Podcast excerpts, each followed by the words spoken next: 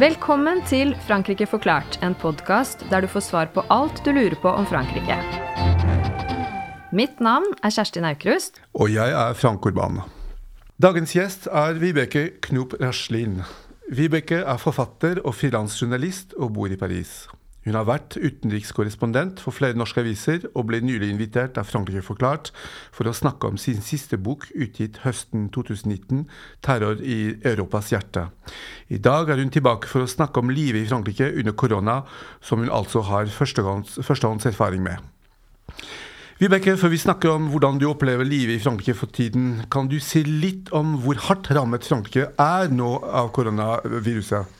Ja, Frankrike er jo hardt rammet. Eh, de siste tallene jeg har kjennskap til, sier at det er over 25 000 døde nå.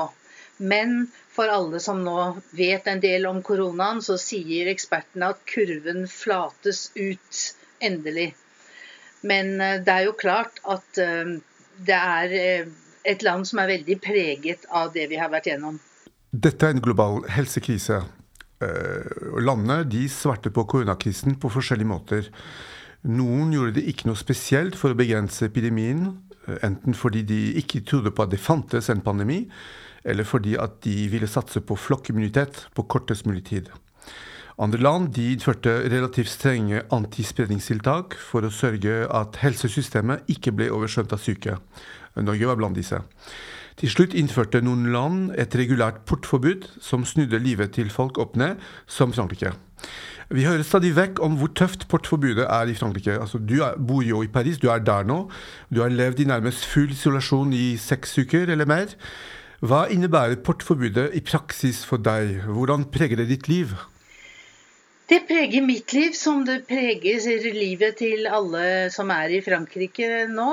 Og det er ganske tøft, må jeg si. Eh, særlig når det trekker ut sånn som det har gjort nå. Eh, det betyr jo at du ikke kan gå ut nesten i det hele tatt. Dvs. Si at du kan gå ut til nærmeste matbutikk, du kan gå tur eller jogge innen én kilometer fra huset ditt, og du kan gå tur med bikkja hvis du har en. Men bortsett fra det, så må du holde deg inne. Og det Vel, det er jo greit nok på en måte, men det blir jo litt ensomt når man som meg er ensom. Og, eh, og, det kan også bli vanskelig for de som har små barn. Fordi at eh, de har jo ikke sjansen til å gå ut og leke eller noen ting, så de må jo aktiviseres. Og dessuten har de ofte hjemmelekser. Så det, det, det, er ikke enkelt å overholde disse reglene. Er det slik at man må ha med seg en form for attest, eh, enten digital eller på papir, når man skal bevege seg utenfor hjemmet sitt? Ja, det er en attest du må fylle ut selv, og du kan risikere kontroll. Eh, da må du vise frem den, og det de særlig sjekker da Jeg har av en eller annen grunn aldri blitt kontrollert, men det de sjekker da, er eh, spesielt tidspunktet. Hvis du er ute og går tur f.eks., og plutselig har overskredet eh, tillate, den tillatte tiden, som er én time, så kan du få bot. Hvor mye er det snakk om? Det er 135 euro for første gangen du blir stoppet, og 200 hvis du blir stoppet igjen. Og sånn går det oppover og oppover, og ender med potensiell fengselsstraff hvis du blir tatt flere ganger. Vibeke, du, du, har naboer, og du kjenner folk som har opplevd mer eller mindre vanskelige situasjoner. Hvordan har folk reagert på le confinement, altså portforbudet? Eh, hva, gjør det, hva gjør det med sosiale relasjoner mellom folk? Er ditt inntrykk at folk har blitt mer egoistiske eller mer solidariske over tid? Jeg vil si begge deler. For um, det er jo klart at det gjør noe helt enormt med sosiale eh, forbindelser. Du har jo ingen sosiale forbindelser lenger, annet enn over telefon eller eventuelt Skype eller eh, FaceTime eller hva det nå kan være. Men jeg vil si at det har brakt fram eh, noe av det beste og verste i folk? Eh, jo, det er en del som er blitt mer egoistiske. Og f.eks. så kan de stå og klappe for helsearbeiderne, sånn som man gjør hver dag klokken åtte her og så plutselig komme på sykehus selv og klage over at de må vente litt, eller over at rommet deres ikke er ferdig, eller at det ikke går fort nok, osv. osv. Og så har du noe av det beste, syns jeg, som kommer frem. Jeg kan nevne min egen nabo, som har vært så snill å låne meg sin wifi fordi at min ikke funket og som tilbyr seg for alle i leiegården å gå og handle for dem eller hjelpe dem med hva som helst. Og det er mange som også har begynt å lage mat til husløse og dele ut den, og på andre måter hjelpe til sånn som man kan. Er ditt inntrykk at franskmenn flest godtar de strenge reglene, eller er det dyp eh, noen, noen form for skepsis eh, som, eh, som kommer til uttrykk blant mange? Man har godtatt det uh, helt frem til nå sånn noenlunde. Det har jo vært tross alt 800 000 uh, konstaterte brudd på reglene, sier Innenriksdepartementet. Og uh, det vil jo si at det er mange som ikke har overholdt reglene også. Men i det store og det hele så syns jeg tross alt at franskmennene har vært ganske flinke. Men Eh, nå har man nådd et punkt hvor jeg tror eh, det blir umulig å, å, å, fortsette, eh, eller eventuelt gjenoppta like strenge tiltak. Nå er det, nå er det ikke misnøye, men faktisk et raseri som stiger. Og det bl.a. franskmennene kritiserer veldig mye, det er at de blir tatt for å være små barn. At det er Eh, presidenten og regjeringen, statsministeren, som snakker til dem som om de var ti år. Og det, det liker jo ikke franskmenn noe særlig. Men det er jo slik at, at Frankrike, selv om eh, landet er hardt rammet, så rammer det jo ikke likt over hele Eh, det franske territoriet. Og på landsbasis så ble under 6% av befolkningen smittet av koronavirus. I enkelte områder, f.eks. i nordøst, i regioner som Alsace og, og, Paris, så er det langt flere som har blitt syke enn i Sør- og Vest-Frankrike. Hvorfor ser man så store regionale forskjeller, tror du? Når det gjelder Paris og omegn, så tror jeg nok det er fordi der er befolkningen mye tettere, og smitten har inntil disse tiltakene begynte, kunnet spre seg mye fortere. Man står jo som sild i tønne på enkelte metrolinjer, og, og det er så det tror jeg sier seg egentlig selv. Når det gjelder øh, Øst-Frankrike, og særlig Alsace, da, så var det jo denne etter hvert eh, kjente historien med det evangeliske eh, bønnemøtet. Hvor altså det er helt utrolig, men fra det møtet så spredte smitten seg selvfølgelig rundt der eh, møtet hadde funnet sted, i Mulhouse, men også til hele Frankrike, til og med de oversjøiske fylkene. Så det, det, er jo helt utrolig hvor mye skade det gjorde. Og jeg hørte en ung mann eh, på radioen i dag som var derfra, og han sa at eh, dere vet at på kartet så har de tre farger nå. Det er grønt, gult og rødt. Og han sa vi vil egentlig være i sort, sånn. Kjerstin snakket om geografiske dimensjoner. Det finnes også sosialøkonomiske dimensjoner. Eh, og man ser man har sett i hvert fall at i eh, drabantbyene, les banlieues, eh, nord for Paris, så begynte man å se at folk brøt portforbudet, og at volden tok av til en viss grad. Hva, er grunnen til det, og hva kan vi vente oss der dersom portforbudet skulle vedvare lenger enn nå? Ja, dessverre så er jo drabantbyene egentlig alltid utsatt for eh, så mye mer enn alle andre deler av Frankrike. De er jo fra før uh, i store økonomiske og sosiale problemer. Og ungdommene der, de har ikke mye annet å ta seg til enn å gå ut og være sammen, særlig om kvelden og natten. og siden de nå ikke har kunnet gjøre det på over seks uker, så tror jeg at bristepunktet er nær. man har snakket veldig mye om hvor forberedt eller ikke den franske regjeringen har vært før krisen brøt ut. Hva gikk kritikken ut på, og, hva har myndighetene gjort for å tette igjen gapet til land som skal ha gjort det bedre enn Frankrike? Det har vært to helt konkrete punkter som har blitt uh, kritisert, som for så vidt ligner på hverandre. Og det ene, og som begge går ut på at man ikke var godt nok forberedt. At uh, det ikke var nok masker. Det er det fremdeles ikke. Altså munnbind, mener jeg. og de er det fremdeles ikke. Og at det heller ikke fremdeles er nok tester. De to konkrete punktene har vært veldig fremme i diskusjonen. Og der har man oppdaget at myndighetene sannsynligvis har, for å si det pent, dekket over sannheten. For de sa jo til å begynne med at det ikke var nødvendig med munnbind. Og så plutselig så ble det endret, og så skulle alle ha munnbind. Og nå er det altså fremdeles ikke nok å få tak i. Og når det gjelder tester, så er det jo noe av det samme, da. At man eh, burde ha vært mer forutseende og ha, ha, det på lager og ha det klart. Og ikke være så totalt avhengig av utlandet, og i dette tilfellet særlig Kina. Og så tror jeg nok også noe av kritikken har gått på at eh, myndighetene har vært for nølende. Og at det har vært litt vel, litt vel mye ett skritt frem og to tilbake. Jeg kan ta et konkret eksempel som nordmenn er sikkert interessert i, og det gjelder å reise til Frankrike. Der het det seg nå at det skulle bli karantene i 14 dager hvis man kom til Frankrike, uansett hvor man kom fra. Og så gikk det ikke mer enn noen timer, så gikk Macron selv tilbake på det og sa nei, nei, nei, jeg mente ikke Schengen-landene. Så det, det, det, er, det, har vært veldig mye preget av det, egentlig.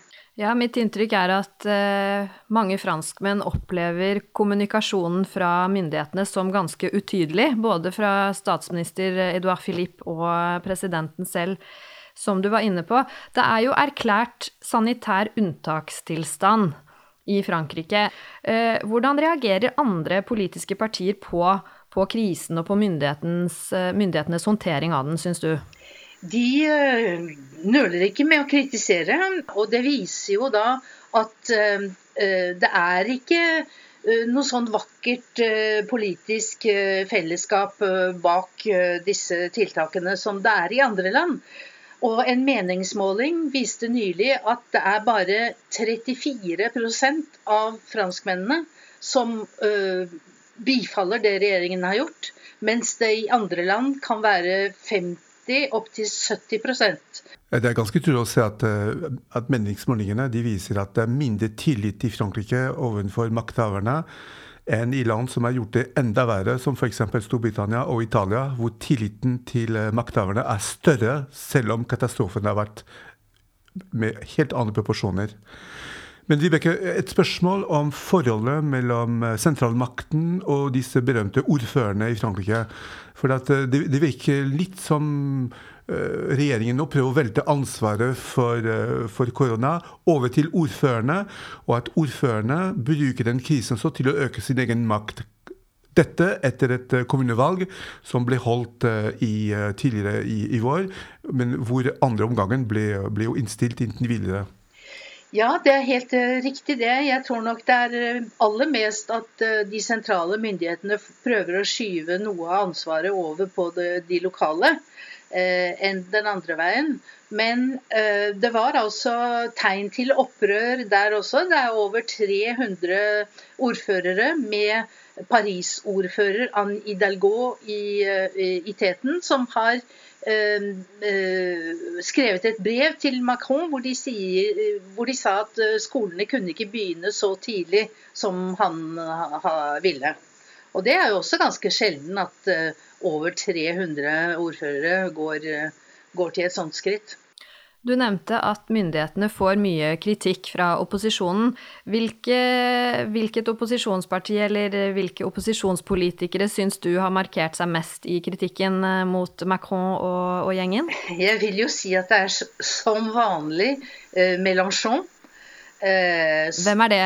Forklar norske lyttere, hvem er det? Han, han står eh, langt til venstre. Jean-Luc Mélenchon fra partiet La France Insoumise, på norsk ofte oversatt til Det ukuelige Frankrike.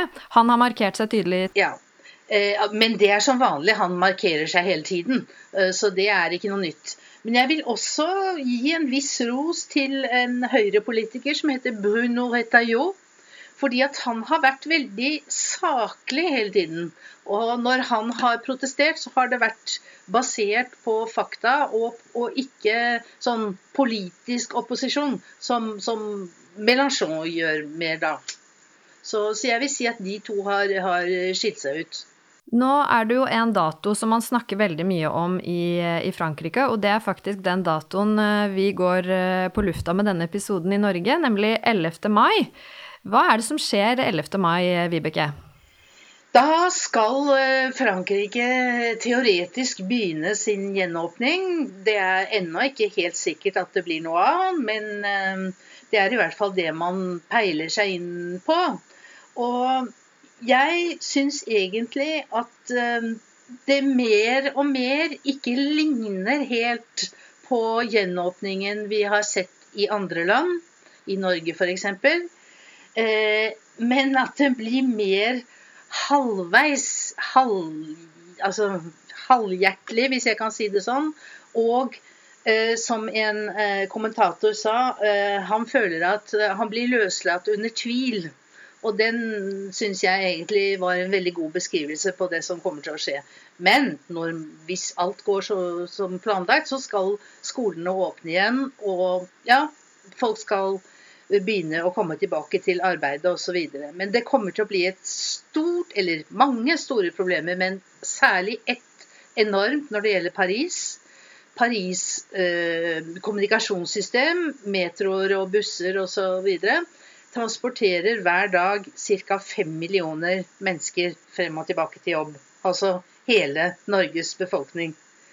Eh, og nå sier eh, de at med de nye reglene om at bare skal være annethvert sete, annenhver vogn osv., osv., at de ikke vil bli i stand til å transportere kanskje mer enn 20% av disse personene. Så da kan du jo tenke deg selv hvordan det kommer til å bli. Håndteringen av krisen den har en pris. Eh, den koster den franske staten for mye for å redde arbeidsplasser og støtte bedrifter har det gått opp eh, for folk at det fins en prislapp, og at dette kommer til å koste dem noe i form f.eks. For av økt skatt? Eh, hvor, hvor, bevisst er folk på at den biten kommer ved neste korsvei?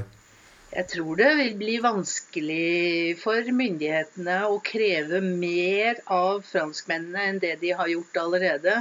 F.eks. i form av nye skatter.